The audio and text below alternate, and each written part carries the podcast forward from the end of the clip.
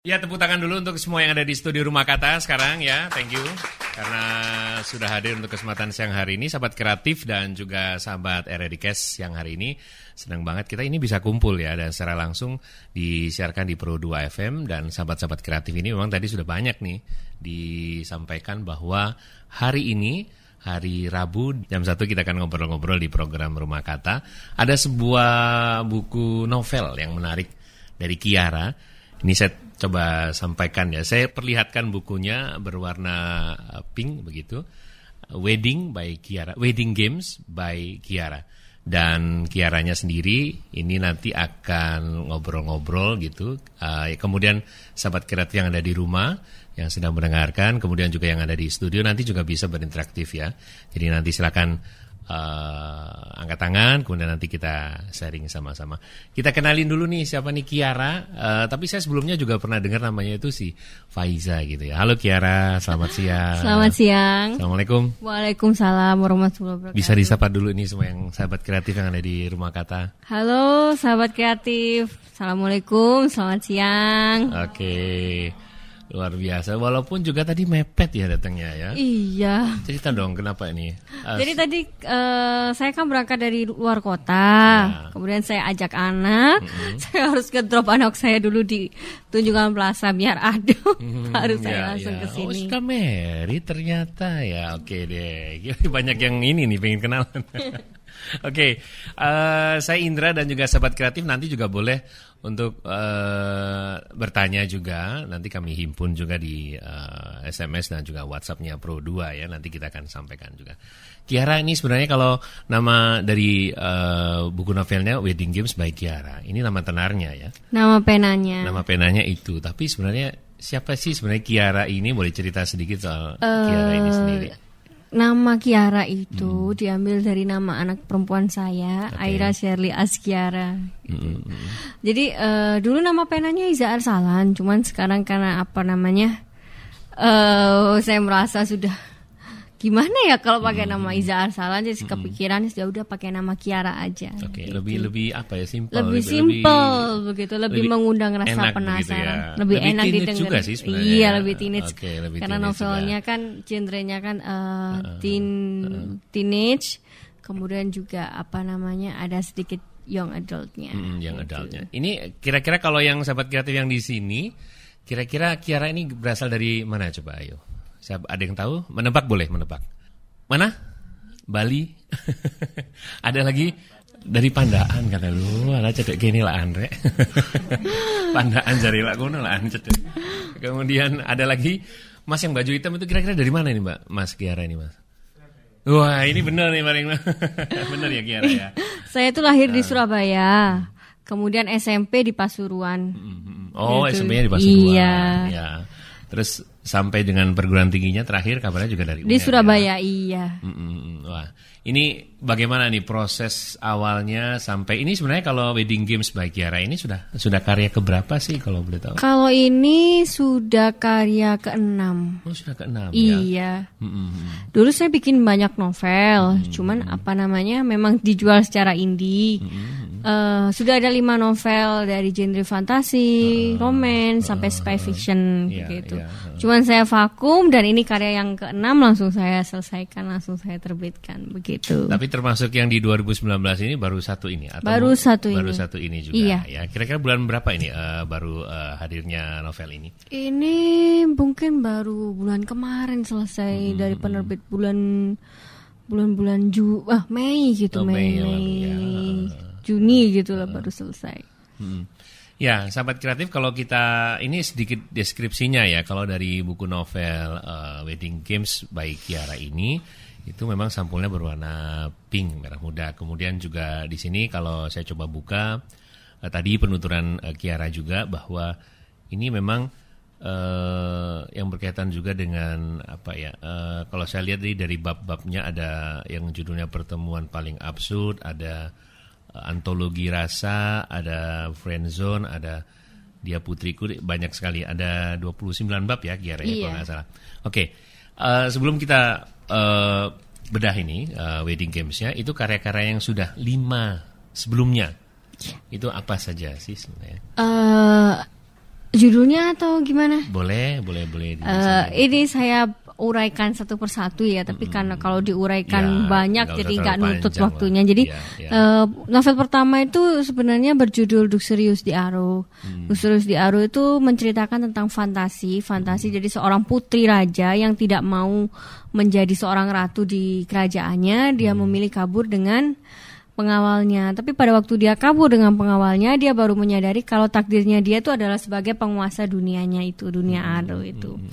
Kemudian, itu tahun berapa itu? Itu tahun 2014 2013. Oh, 2014 Kemudian uh, baru uh, Hati Serapu Kaca. Hati Serapu hmm. Kaca itu tentang uh, Ica. Ica ini adalah anak uh, yatim piatu yang kemudian diadopsi sama seorang sebenarnya complicated proses pengabdosi pengabdosiannya Ica itu dari rumah bordir dia diadopsi sama seorang kepala polisi yang namanya Jati dan hmm. karena karena Jati ini emang belum merit karena pada waktu itu masih muda dia tumbuh benih-benih cinta kepada si Ica ini hmm. Ica ini pada waktu itu masih umur 14 tahun hmm. tumbuh benih-benih cinta dan akhirnya si Jati ini karena dia merasa sudah tua dia dia merasa harus menyembunyikan perasaannya hmm. begitu kemudian yang yang sama 2014 juga Uh, itu 2015, 2015 sama 2015. Okay, yeah. Kemudian ada Dark Constellation. Dark Constellation hmm. ini lebih bercerita ke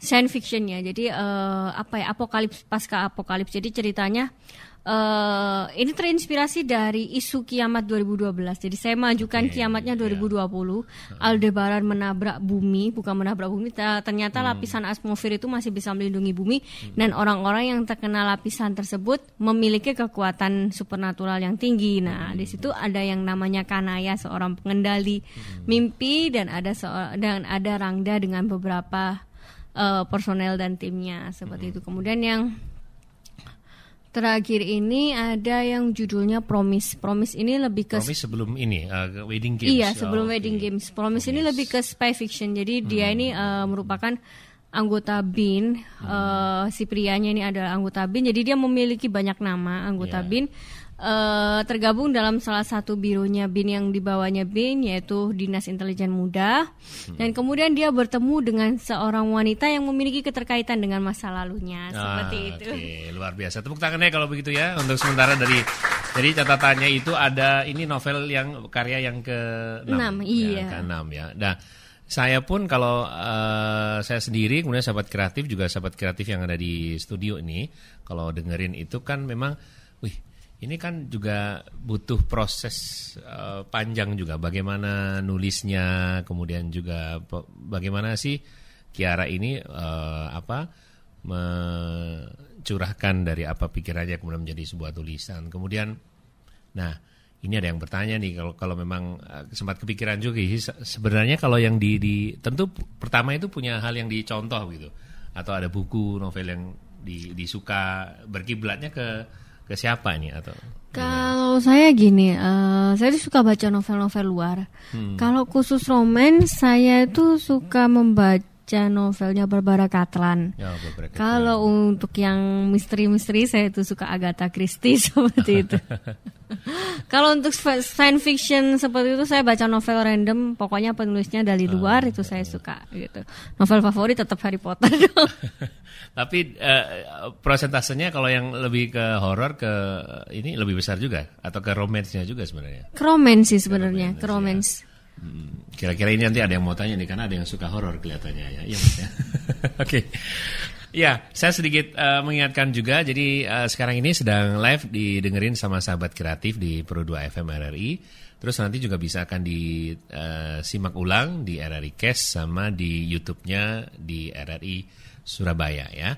Oke, ini tadi sudah saya lihat tadi uh, ada beberapa pesan masuk ya. Tapi kalau yang di studio dulu mungkin ada yang bertanya, boleh satu dulu, kemudian nanti kita sampaikan ke Kiara nanti kita jawab ya. Kita terus uh, sharing. Silakan ini. Ya, perkenalkan nama hmm. saya Ento Wijaya dari hmm. Universitas Trunojoyo Madura. Hmm. Ini Panggilannya siapa ya, Mas? Ento. En Ento. Ento, iya. Ento ya. Oh, iya. iya. Ento itu kalau bahasa Jawa dapat ya. ya dapat dapat. Dapat untungnya. dapat baiknya Gimana, juga, Mas. Mas. Uh, mau nanya ini kan uh, mbaknya sudah menikah ya. Cara membagi waktu antara menulis dengan kehidupan pribadi itu seperti apa? Uh, Udah itu aja. ya, itu aja. Terima kasih. Oke, makasih ya Mas Ento ya. Hmm. Uh, mohon maaf ya, ini lagi saya buka sedikit. Actually, uh, saya pernah menikah, tapi kemudian saya divorce dan saya punya Oh. anak satu. Jadi, start- kalau membagi waktu, saya lebih ke pertanyaan caranya membagi waktu antara anak dan pekerjaan itu bagaimana. Jadi saya gini, uh, ketika anak sudah tenang, ketika anak sudah enak tidur, baru saya melanjutkan pekerjaan saya, begitu. gitu ya. Iya. Tapi kalau saya lihat dari samping nih Mas Ento, itu kayak si ini teman kita Ane loh ya. iya loh, ini kok Ane yang datang. Ane yang biasanya presenter di sini juga. Berarti Oke. wajahnya wajah ini, wajah prasmanan istilahnya, Ah, Pak. Oke, baik. Banyak Ada lagi mirip. satu lagi sebelum atau nanti kita sambung lagi ya. Eh, soal mungkin di disimpan dulu pertanyaannya. Dan ini kalau soal proses kreatifnya itu eh, bagaimana ya dulu kalau memang jangan-jangan memang kesukaan menulisnya itu dulu eh, Kiara ini sebelum merit Eh, atau dulu ketika memang masih kuliah atau jangan-jangan memang berprosesnya itu lebih lebih lama ya sobat kreatif ya. Cerita dong ini gimana nih? Jadi Kiara? gini, eh saya tuh suka nulis dari SMP sebenarnya. Kemudian eh kebentur-kebentur terus. Kalau dulu SMP tuh kan SMP sibuk. kelas berapa nih SMP-nya? SMP sudah mulai dari SMP kelas 1 bahkan dari SD kelas 3 nih ya. Saya tuh bikin puisi untuk mama saya. Kelas 3 SD itu. Kemudian eh, SMP itu saya mulai bikin cerita-cerita pendek bikin novel tapi nggak pernah dipublikasikan. Iya, iya. Eh, sebenarnya saya mulai aktif menulis lagi itu ketika saya jadi lawyer. Waktu itu saya pernah jadi konsultan hukum di eh, pada waktu meeting nih sama klien nih. Meeting bareng sama klien. Saya tuh lebih suka menggambarkan macam-macam orang itu seperti makhluk-makhluk fantasi di rekaan saya. Nah digambarkan seperti ini seperti ini seperti ini dan jadilah novel The Serious di Aru Destiny.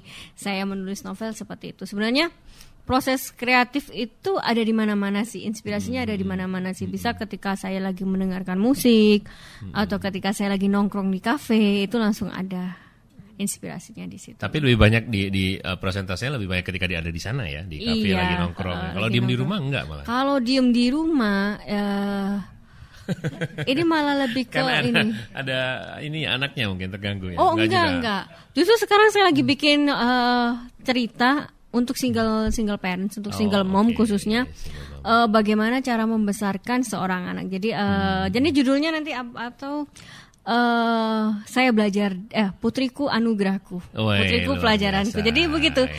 Jadi eh, dari sifat nakalnya si kecil, dari Hmm. tangisannya si kecil, bagaimana menenangkannya, terus bagaimana paniknya jadi seorang orang tua tunggal. Nah, itu malah menjadi sebuah buku sebenarnya Oke, gitu. baik. Saya ke medsosnya ke Facebooknya Pro 2 ya. Ini sudah ada yang masuk. Ada Arin. Halo Arin, ini yang ada di kawasan Jemur Sari. Eh, Kak Kiara, ini kalau eh, memang bukunya ini adalah soal novel ya. Lebih suka mana berprosesnya ketika novel atau memang dulu juga pernah nulis puisi? Nah, ini dia. Sebentar, satu dulu ya. Nah, kemudian juga eh nanti ini saya bocorin sedikit ya. Saya bocorin sedikit juga nanti bakal eh, kasih hadiah loh Kiara. Kira-kira gitu ya. Iya, ada sudah ada hadiah. sudah disiapin ya. Kalau dari sisinya Brian kelihatan hadiahnya. Iya Brian ya, kelihatan Brian ya. Oke. Eh, Arin terima kasih dari Jemur Sari sahabat kreatif eh, melalui media sosialnya Pro 2 tanya nih sebenarnya kalau proses kreatifnya dulu apakah enggak mungkin intinya lebih lebih apa ya ke puisinya dulu pernah atau mungkin langsung pertama itu novel gitu loh Kiara gimana nih Kiara eh proses pembuatan puisi sama novel itu beda ya Ya, sebenarnya oke. begini. Kalau puisi saya lebih kalau misalnya puisi itu nangkepnya dari ini dari keadaan sekitar, dari musik kan langsung bisa nulis gitu. Hmm. Oke, ya. Kalau novel ketika kita nangkep ada musik bagus nih, Hmm, ada karakter bagus nih, tapi kita harus bikin outline dulu nih baru kita bisa lanjut tulis novelnya Ya, begitu. Jadi gitu kalau ya. kalau kalau jawabannya sih lebih ke arah lebih instan bikin puisi daripada Tentu bikin ya, novel. karena, karena Tentu hanya aja gitu. beberapa kata Iya. diksi-diksi kata pilihannya gitu ya Karena bikin puisi itu kan kalau kita lagi mikir, kemudian lagi denger lagu nih sesuai nih, kita langsung bisa tulis puisi. Hmm, Gitu. Oke, gitu ya Arin ya. Thank, eh, thank you juga sudah gabungan di eh, WhatsApp-nya Pro 2 dan untuk yang lain langsung bisa gabungan juga di program Rumah Kata kali ini. Uh, mungkin di antara sahabat kreatif yang ada di sini itu juga mau sharing cerita misalnya. Kalau dulu itu pernah uh, nggak apa-apa ya kalau misalkan pernah nulis puisi ya curhat ya Kiara ya. Cerita curhat. share share maksudnya Sharing aja apa-apa. atau juga pernah sedikit uh, pernah mau bikin novel tapi juga kelihatannya kok nggak nggak apa ya nggak jadi gitu. Karena kelihatannya juga butuh uh, ketersambungan gitu misalnya dari cerita ke cerita atau apa gitu ya. Satu dulu boleh nggak apa-apa. Silakan mbaknya. Nama aku Mila dari Win Sunampel Surabaya. oke Eh, curhat dulu boleh? Boleh, Boleh, silakan. boleh, ya. Jadi dulu pernah nyoba-nyoba nulis kan. Iya, kecil suka dari kecil suka baca novel sama komik terus jadi suka-suka nulis. Hmm. Nah, tapi biasanya kebanyakan ide jadi pas mau nulis dan belum selesai itu kayak mau bikin yang lain lagi. Ah, jadi iya. per lembar Hmm. di buku tuh selalu ada cerita dengan judul yang berbeda-beda gitu. Iya, iya. Nah, caranya biar tetap konsisten di satu dulu diselesain itu kayak gimana gitu. Hmm. Sama biar nggak stuck. Jadi pas tengah-tengah nulis cerita tuh stuck, eh stuck, terus Hmm. akhirnya pengen bikin cerita yang lain. Jadinya tuh nggak ada yang selesai gitu. Mau Makasih. ditanya juga loh, nggak apa-apa. Mungkin mau ada yang ditanyain, apa misalnya sampai seberapa gitu dulu nulisnya, Itu nulisnya dulu sampai seberapa? Kayak jadi baru beberapa paragraf gitu misal terus kayak jadi ganti judul lagi gitu. Jadinya cerpen. Sebenarnya Selesai. semua penulis pernah kok ngalamin hal itu. Oh, Jadi iya. semua yang saya pun juga sering seperti itu. Hmm. Bikin novel cuman sampai bab 3 eh ada ide yang lain lagi bab gitu. tiga, bab tiga tuh banyak. Bab 3 ada ide. Pusing Ini kan jadinya baru satu kan. lembar sama gitu. kayak saya juga. jadi bab tiga gila. jadi gini em, cara kalau saya cara mengatasinya itu eh, pertama kali sebelum bikin novel kita bikin outline dulu Hmm. outline Eh, ntar, ntar, ntar. Outline ada yang tahu nggak? Ayo. apa ada Ayo. Ah, gitu. Garis iya besar. eh, garis Nah, besarnya seperti itu gitu. kita bikin Aku outline novel novelnya penokohannya seperti apa nah kita tulis novel. Nah kita jadikan outline itu sebuah novel. Ketika mendadak ada ide baru lagi dibikin aja outline-nya. Hmm, tapi kemudian kita balik lagi ke tulisan kita. Seperti itu. Oke, Iya. ya. jadi eh, ide ceritanya kita tuh tetap tetap simpen. Kita tetap Hmm. bisa melanjutkan novelnya. Novel kita yang sudah terlanjur kita tulis Hmm, gitu. pokoknya ide itu jangan sampai terbuang percuma lah. Nanti nyarinya tuh susah. Harus ngumpulin satu persatu dulu. Tepuk tangan dulu ya eh, untuk keseruan kita untuk siang hari ini. Tapi itu saya bingungnya itu kalau waktu ini ngerangkainya misalnya gini nih. Misalnya mbak-mbak atau mas-mas ini pernah ini sahabat kreatif yang ada di studio ataupun yang ada di rumah itu misalnya gini kejadian dari pagi ya. Dari pagi naik angkot sial nggak dapat tempat duduk. Terus siangnya mau ke kantin eh tutup. Nah, kemudian eh, sorenya tiba-tiba macet nggak dapat eh, transportasi online. Kemudian malamnya itu dompetnya hilang. Nah itu kan beda-beda gitu. Itu, itu gimana kalau kalau ngerangkain yang kayak gitu misalnya gitu ya? Itu namanya kalau itu mau dirangkai dari jadi sebuah cerita nih. Itu namanya sial. Perjalanan hidup tuh. Iya. kalau ini nanti saya rangkai seperti ini. Jadi apa namanya eh ujian ujian menuju sukses juga bisa sih Oh, tapi iya. kesialan beruntun lebih bagus lebih bagus oke tapi besoknya pasti untung lagi gitu semoga kesialan beruntun ini tidak berujung pada esok hari Uh, gitu. Kalau yang tadi dari pengalaman sahabat kreatif eh, si Mila yang dari studio itu ketika sudah dapat nih satu eh, tulisan mungkin hampir selembar dia bikin ya. Kemudian untuk meneruskan lagi kan tentu perlu juga eh, apa tema yang beda atau harus eh, linear dengan apa yang pertama ditulis atau gimana sih sebenarnya Kiara? jadi sebenarnya gini Hmm, eh, penulis itu tidak dibatasi tema Oke ya. Jadi hari ini saya bisa nulis tentang romance. Hmm. Besoknya denger lagu, idenya fantasi. Oke. Nah, yang gimana nih yang fantasi ini supaya bisa tersalurkan? Hmm. Ditulis judulnya dulu apa? Bikin outline-nya dulu bab satu harus tentang ini tentang ini. Gak usah penokohan bab satu tentang ini tentang ini tentang ini. Kalaupun memang ha- memang lebih hafal lebih mengena ke tokohnya, ditulis aja tokohnya tentang ini karakternya, ini karakternya, ini visualisasinya seperti ini. Lanjut lagi ke novel romance-nya. Tapi kalau saya perpindahan ke novel romance itu saya selalu mencari lagu yang sesuai.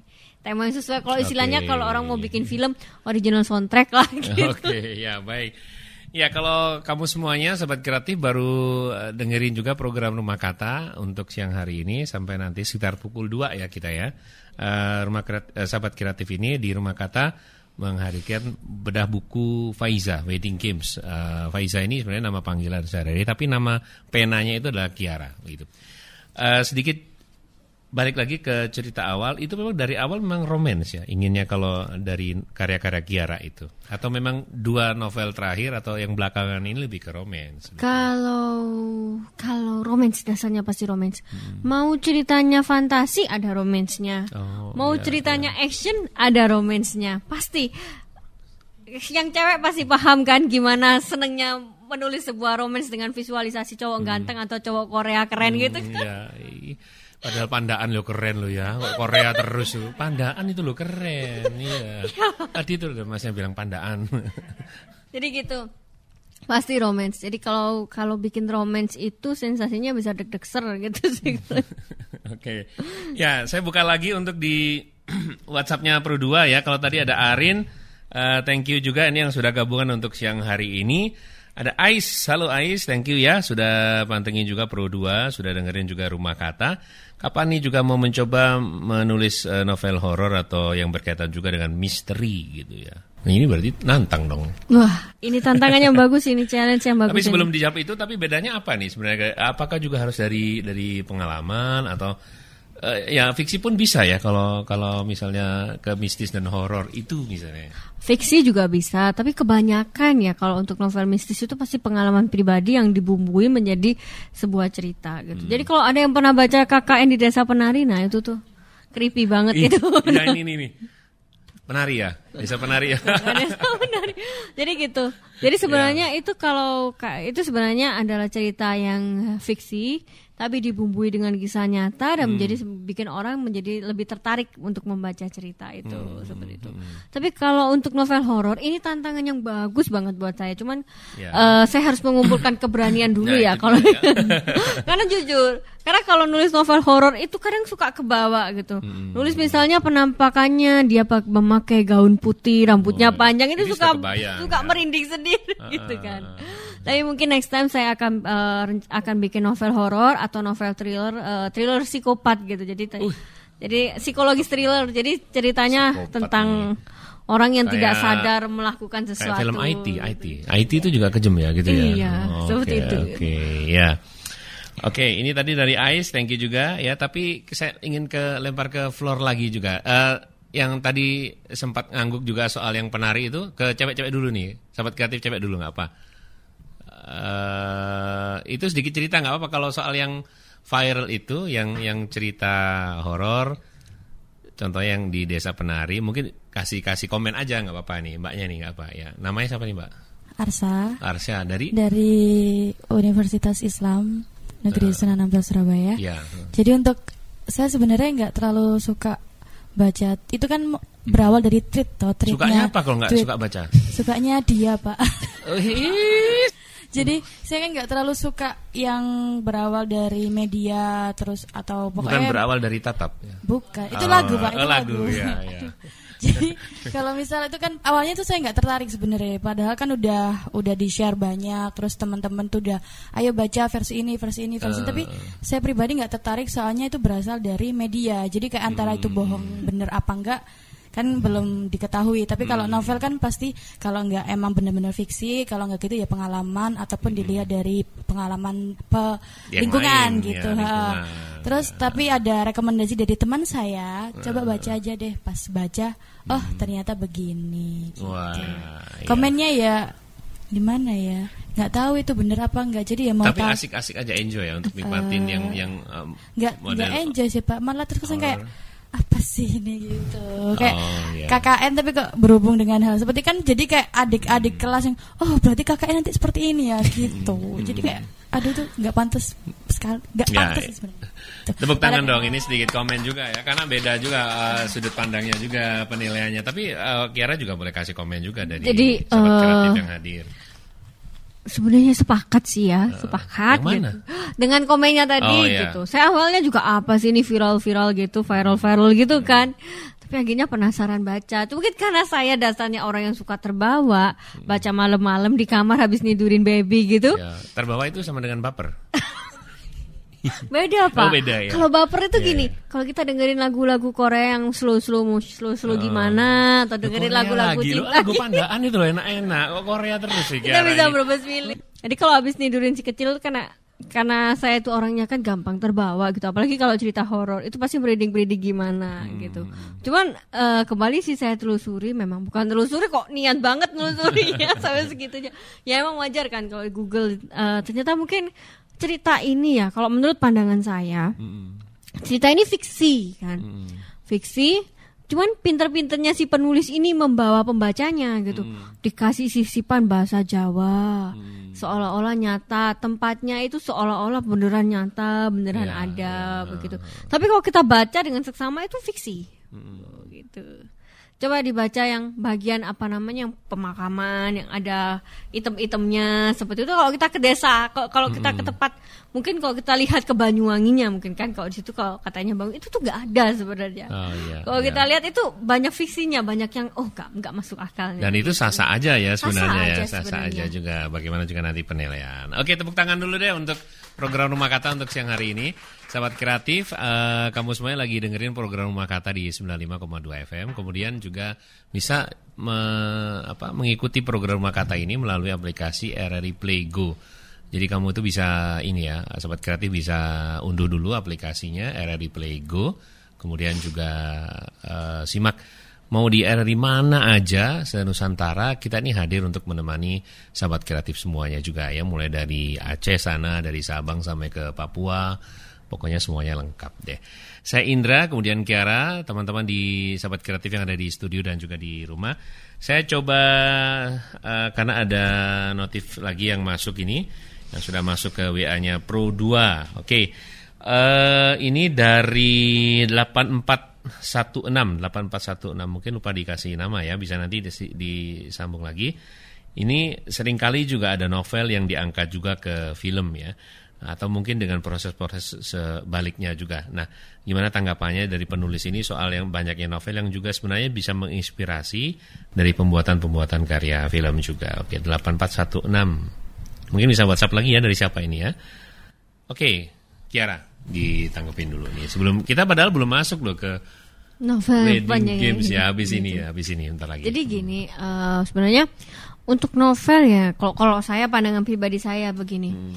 Eh, sekarang ini kan banyak banget penulis-penulis muda yang berbakat bikin novel yang langsung hit, langsung jadi bestseller, langsung bisa diangkat jadi per- jadi film. Nah, kalau saya sebagai seorang penulis juga saya masih junior lah, eh, sebagai seorang penulis karena mungkin saya bilangnya penulis muda karena emang penulisnya masih teen teenage, Eh, ya. teenage, Teenage, ya, terus eh, bisa bikin gebrakan novel yang bagus seperti itu kan berbakat Ya, banget. uh-huh. Cuma kalau pesan saya sih seperti ini ya apa namanya? Kalau novel yang diangkat sebagai sebuah film, alangkah baiknya kalau itu mengangkat mengangkat eh, pesan-pesan moral. Seperti yang kalau kalau saya lihat eh misalnya di Hmm. kalau di film ya. Saya lihat eh, dua gadis biru itu kan ada pesan-pesan Hmm. moralnya yang bagus. Kemudian ada beberapa eh, ada beberapa novel yang kalau saya lihat diangkat jadi sebuah film eh, novel remaja lupa saya judulnya apa dan dan di situ diselipkan cerita, diselipkan pesan bahwa tentang keluarga. Seperti itu bagus gitu. Tapi paling bagus kalau buku yang diangkat jadi sebuah film tetap sih Ainun Habibi. Itu ya pilihannya. Wah, Iya. luar biasa nih tepuk tangan nih, kasih jempol juga ya. Ini si Arsa udah bilang gini-gini di tangannya nih ya. Kalau Habibi Ainun ini membuat cewek-cewek itu kelepak-kelepak bikin bikin bikin kaum hawa sadar bahwa masih ada kaum Adam yang mencintai dengan Eh, tulus. masuk nih. Sip. Ada yang komen lagi soal Bibi Ainun sedikit nggak apa-apa ya? Monggo silakan.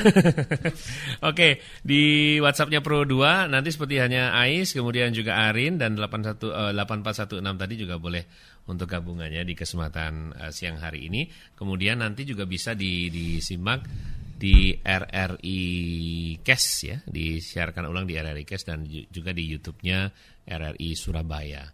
Tadi ada teman-teman sahabat kreatif cowok yang mau nggak apa-apa, mau nyampein sesuatu, tanya boleh eh apa pun ke Kiara. Nama saya Muhammad Fernando dari Universitas Trunojoyo Madura. ya, panggilannya apa nih Mas? Nando, panggilannya Nando. Oh Nando, oke. Nando. Eh, Silakan. mau bertanya tadi kan dari inspirasi inspirasi untuk membuat novel kan macam-macam ya ada yang Hmm. dari uh, suasana kafe atau uh, referensi novel yang lain. Hmm. Saya tadi tertarik sama yang referensinya autornya Agatha Christie. Hmm, di Itu awal tadi ya. uh, uh, misteris dan horor gitu. Hmm. Nah, sekiranya yang referensi-referensi yang berbeda dari karya-karyanya Mbak Kiara itu sekiranya masuk nggak sih atau nyampur nggak sih ke atau berpengaruh ke, ke hasil karya novel yang sekarang itu?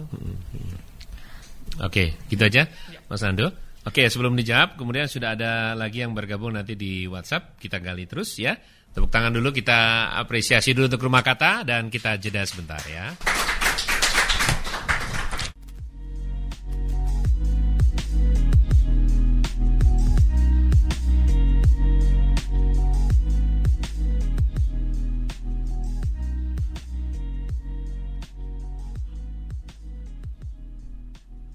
Kita kasih aplaus dulu ya untuk program Rumah Kata. Sahabat kreatif yang lagi dengerin juga di mana aja. Kemudian juga sahabat kreatif yang ada di studio. Saya Indra, kemudian juga ada Kiara, produsernya ini teman-teman semuanya. Ada Farida, ada Arul, ada Sari. Semuanya lengkap deh untuk siang hari ini. Eh, cuman ngingetin aja eh, tadi beberapa WhatsApp juga. Jadi kamu nih sahabat kreatif bisa kirim ke 081 80 8952 ya nomornya cantik banget. 0818808952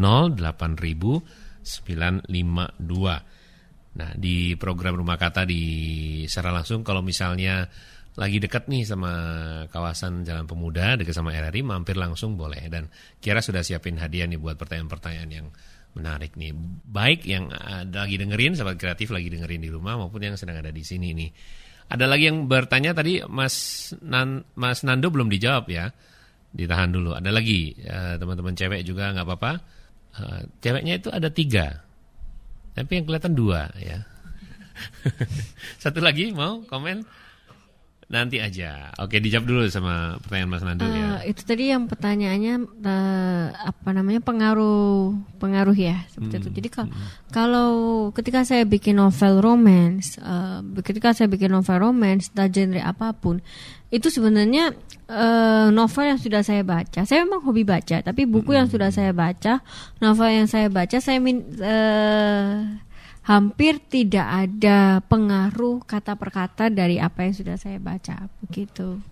Jadi pengaruhnya itu nggak ada sama sekali, Mbak. ya? Jadi Tidak. Selama bikin Mungkin jadi basicnya gitu loh Kiara. Enggak enggak juga enggak, ya. enggak juga Enggak, begitu. enggak, Jadi enggak. bener bener ini bahasa yang saya bikin, bener ini bahasa yang bener ini yang saya ciptakan seperti itu. Jadi ada Hmm. pengaruh dari tempat lain. Makanya kemarin waktu editor itu bilang begini, "Eh, Mbak Fai, Mbak, eh, ini ya novelnya udah khas banget bahasanya Mbak. Hmm, Jadi kalau kita mau ngedit nambah-nambah bahasa ini kita harus diskusi dulu sama Mbak.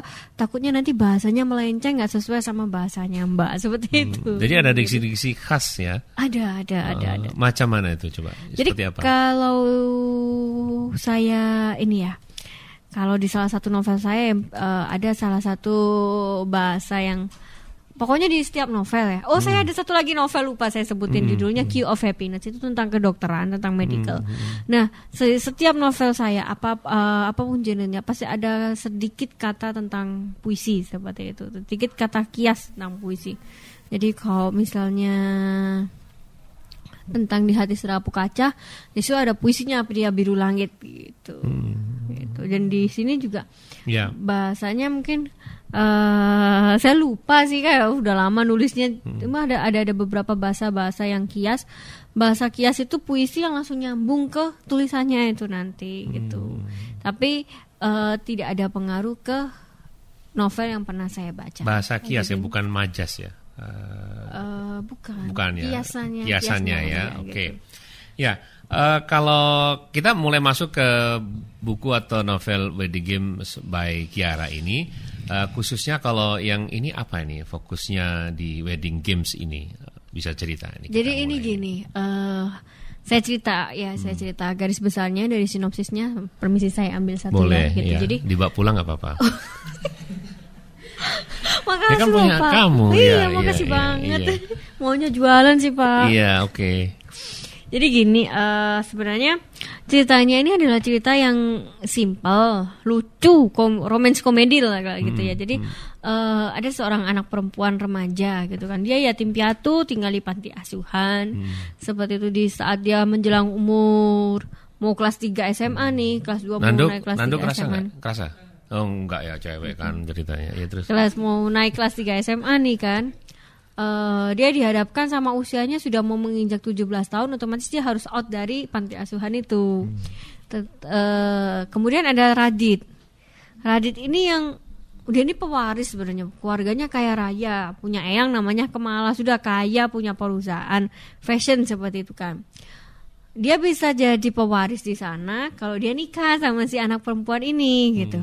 Nah si Adisti dia akan disekolahkan sambil menikah, maksudnya menikah ya menikah sirih dulu gitu kan, masih bisa sekolah disembunyikan statusnya. Dia disekolahkan sama si si Eyang Kemala ini sama Eyang Kemala ini kalau dia mau menikah dengan Radit. Jadi mereka memiliki ambisi. Jadi gini, Iya. Radit ini karakternya jahil terus kurang dewasa. Ada-ada sedikit dia memang agak agak bisa ngemong ya sama istrinya. Eh, memandang pernikahan ini sebagai tiketnya dia buat dapetin warisan. Nah si Adisti ini dia memandang pernikahan sebagai tiket emas buat saya harus bisa sekolah biar sampai kuliah karena Adisti ini kan Iya, anak yang iya. pintar. Akhirnya menikahlah mereka. Ternyata eh, kehidupan pernikahan itu nggak sesimpel yang mereka bayangkan, nggak eh, nggak nggak nggak kalau nikah itu langsung gontok-gontokan terus. Ya, yang awalnya ya. musuh tetap nggak seneng enggak. Karena mungkin karena kebiasa tinggal dalam satu rumah, tahu kebiasaannya si Radit, tahu kebiasaannya Adisti, timbullah benih-benih cinta itu. Kalau tinggal timbul benih-benih cinta si Adisti nggak bisa ngomong karena dia taunya Radit itu masih suka sama mantan cinta pertamanya waktu masih SMA, waktu namanya Maudi masih SMA seperti itu. Farida aja kecewa ya. Begitu dengan si Radit dia mau ngomong tapi dia bimbang. Oh, Hmm. ini masih remaja labil ini apalagi ada temennya yang deketin Adisti, teman sekolahnya deketin Adisti yang nggak tahu Ya, kalau ya. Adisti ini udah nikah namanya Rehan oh gitu. itu. Rehannya kos nggak? Kos? Enggak ya? Enggak, Rehannya tinggal di serum, tinggal di rumah sendirian, rumahnya sendiri Oh, gitu. kirain ada yang kos juga. Soalnya ada sahabat kreatif yang lagi ngekos nih sekarang kan nggak apa-apa ya. Namanya juga perjuangan hidup sambil kuliah juga. Dari penuturannya si Kiara nih apa intinya coba? Ada yang mau anu mau mau jawab nggak coba coba coba. Intinya soal yang baru diceritain di romansnya itu loh apa? Pilihannya ya itu tadi apa coba sih? Intinya Intinya apa coba? baca beli novelnya dibaca. Aduh, aduh saya suka loh. Nanti nanti Iya. nanti kita WA-an ya, Bu. Enggak. Kan ini mahasiswa, jadi nanti pengen dapat ini hadiahnya itu. Oh, loh. gitu. Oke. Tapi enggak enggak nyimpulin soal nikah siri, enggak kan Ando ya? Enggak kan? Tadi di awal ada nikah sirinya jangan ya, yang lain juga. Oke. Tapi juga kalau di di eh, novel yang Wedding Games ini itu dari beberapa kan banyak nih. Kalau saya tadi hitung ada beberapa bab ya. Jadi saya buka nih misalnya sampai bab ke-29 ya Kiara Iya. ya. Eh, yang menarik apa tadi? Tadi sempat off air juga di bab 14 Bab 14 dan jodoh masa kecil sama bab 19 My Teenage Daughter begitu ya. Iya. Jodoh masa kecil Ci. Pasti ada yang pernah ngerasa ya di di antara kalian nih sobat kreatif.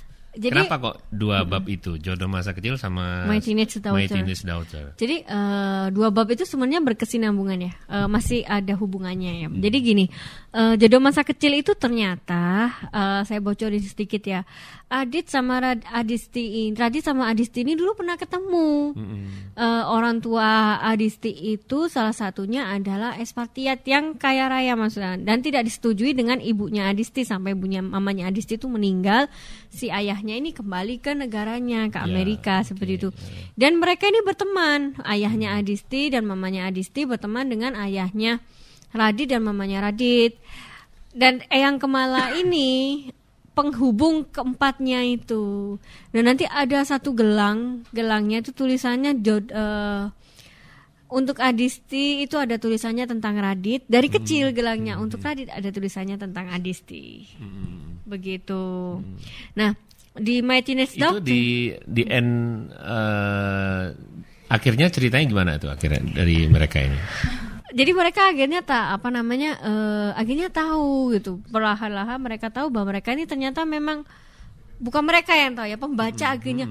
oh alah ternyata orang yang selama ini di sekitarnya tuh nggak bakalan bisa masuk. Oh, Rehan gitu ya, ataupun Maudi ya. tuh nggak bakal bisa masuk karena memang ternyata mereka tuh emang ditakdirkan dari kecil itu untuk Oke. ketemu kemudian di My Teenage Doctor Hmm. itu ayah ya ayah yang selama sekali nggak ketemu Adisti Hmm. tiba-tiba datang ke Indonesia untuk mencari keberadaan Adisti yang Oke, ternyata sudah iya, menikah iya. dengan Radit seperti itu Nah, luar biasa nih. Ada ada yang ingin ditanyain? Silakan. Langsung dari penuturannya Kian ini serius nih kalau mau tanya nih. Kalau tadi masih coba-coba nih. Silakan dengan siapa Mbak? Khairatul Aulia dari Universitas Negeri Islam Sunan Ampel Surabaya. Panggilannya siapa nih? Khair. Oh, Kalau Khair. susah cair aja.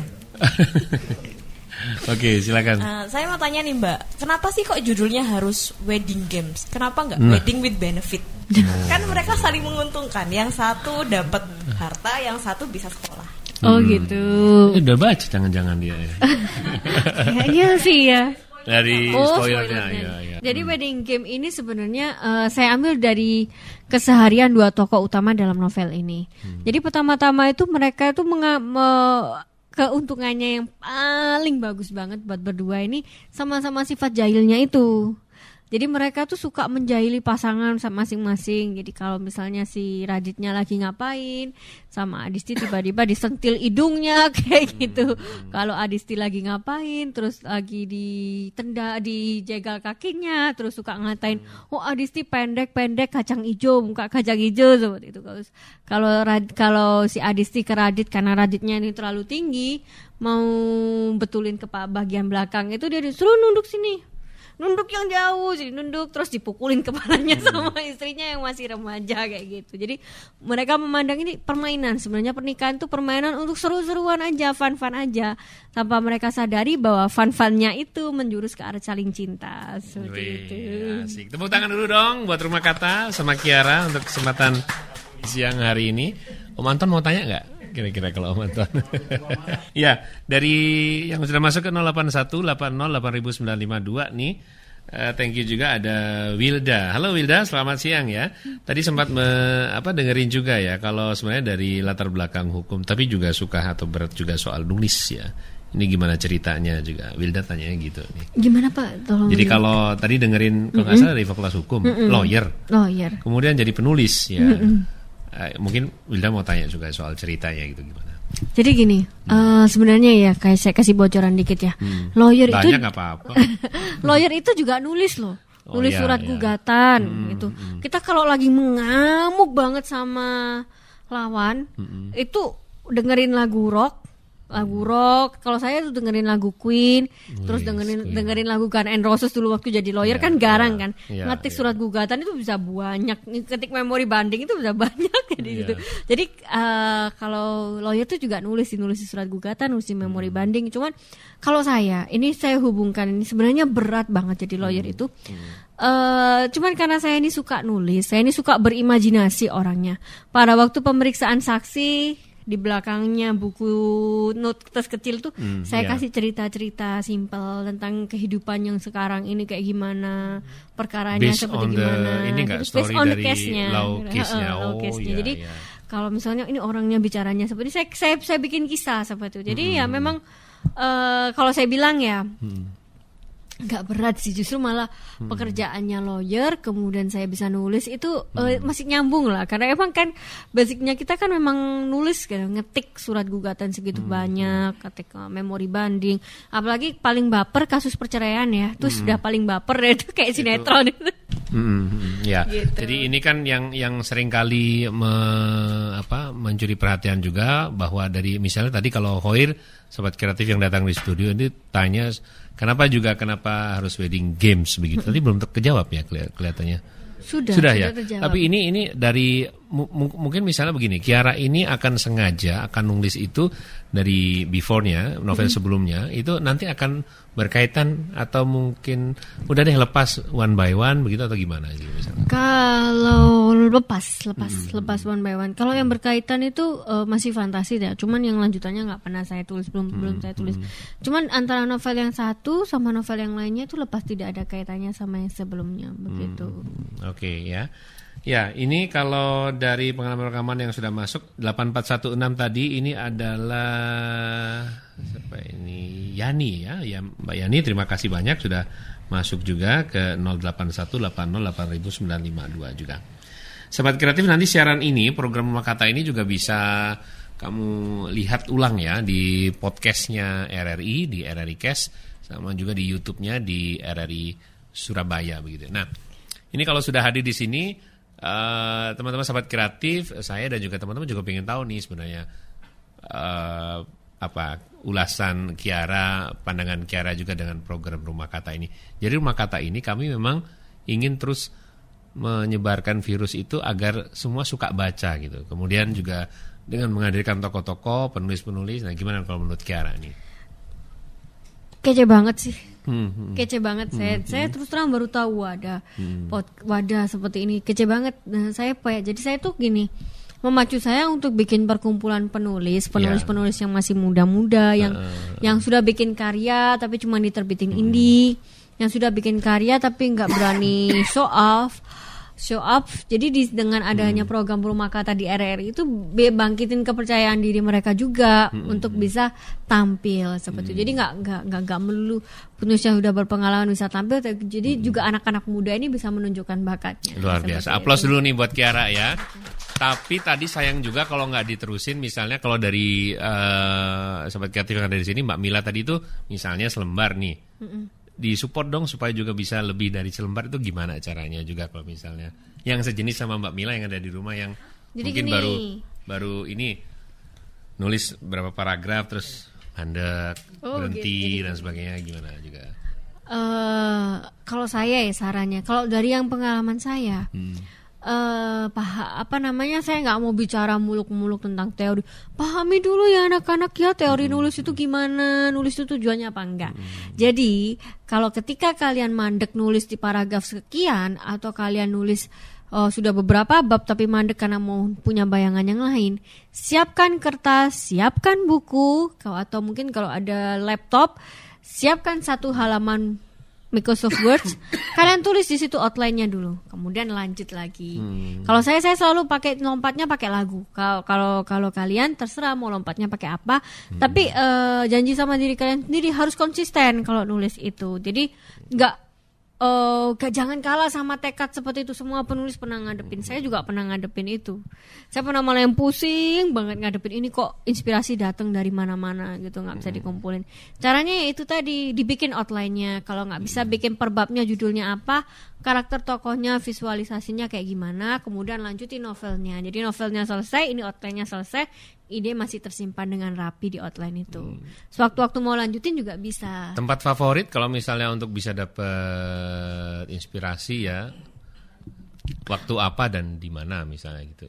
Iya, kalau saya tempat favorit saya ini kalau dapat inspirasi itu ya di kantor yang sepi, kantor yang di rumah saya sepi itu baru saya bisa nulis terus kemudian kalau Kantor banyak hantu. Kantor yang sepi katanya. Kalau Di dengar atas lagu ada lantai tiga. Oh, bagus itu. Iya nggak pernah ke Buat nulis Jama. horor ya. Iya. Terus kalau lagi nulis, kalau lagi dengerin lagu itu inspirasinya bisa dapat atau mungkin Hmm. kalau mau mau yang lebih ini lagi eh carilah sudutmu sendiri. Jadi Hmm. setiap pemul- penulis itu pasti punya yang namanya sudut. Hmm. Entah itu di sudutnya kamar, entah itu di ruang tamu yang lebih enak, entah itu di teras. Carilah sudutmu sendiri. Hmm. Entah kalau saya dulu waktu kuliah nulis-nulis cerpen itu saya di di emperannya eh di apa sih kok emperan apa ya namanya itu koridornya Oh, iya, koridor emperan. glosor gitu loh istilahnya glosor sama tulis laptop gitu loh iya glosornya oh lesehan gitu sama nulis Oh, iya, nulis iya. pakai langsung ngetik Bawa gitu sambil denger lagu Hah? Bawa bawa, pernah kan di situ wifi-nya gratis Oh iya iya iya iya iya. Oke, tepuk tangan dong buat kita semuanya. Sekarang waktunya kita mau cari tahu siapa yang berak, dapat bukunya. Dua orang dari sahabat kreatif yang ada di sini, sama yang tadi yang sudah WhatsApp. Kira-kira seingatan Kiara siapa nih? Eh, Yang dari sini dulu deh siapa deh? Yang dari sini yang Mm-mm. apa yang Mana? saya Di, bingung, di ya, bagus bingung. banget. Loh, ditungguin dulu ini. Yang itu yang nulis novelnya nulisnya nggak nyambung nyambung Yang mana? yang Yang- pakai jilbab pastel Yang pakai jilbab pastel. Oh, Mbak Mila. Mbak Itu Mila. satu. Satu lagi Satu. cowok dari sisi cowok yang mana? dari sisi Di antara dua warga negara Pandaan.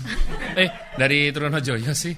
Iya. yang Oh, nah, kan ini, yang apa namanya tanya keterkaitan Hmm. keterkaitan novel itu dengan yang saya tulis novel yang dengan saya- Agatha Christie baca gitu dengan misalnya. Ya. Christie. Oh, Mas Nando ya. Mas Nando Oke, terima kasih tepuk tangan ya, Mas Nando. Langsung diserahin ke sini ya, boleh maju.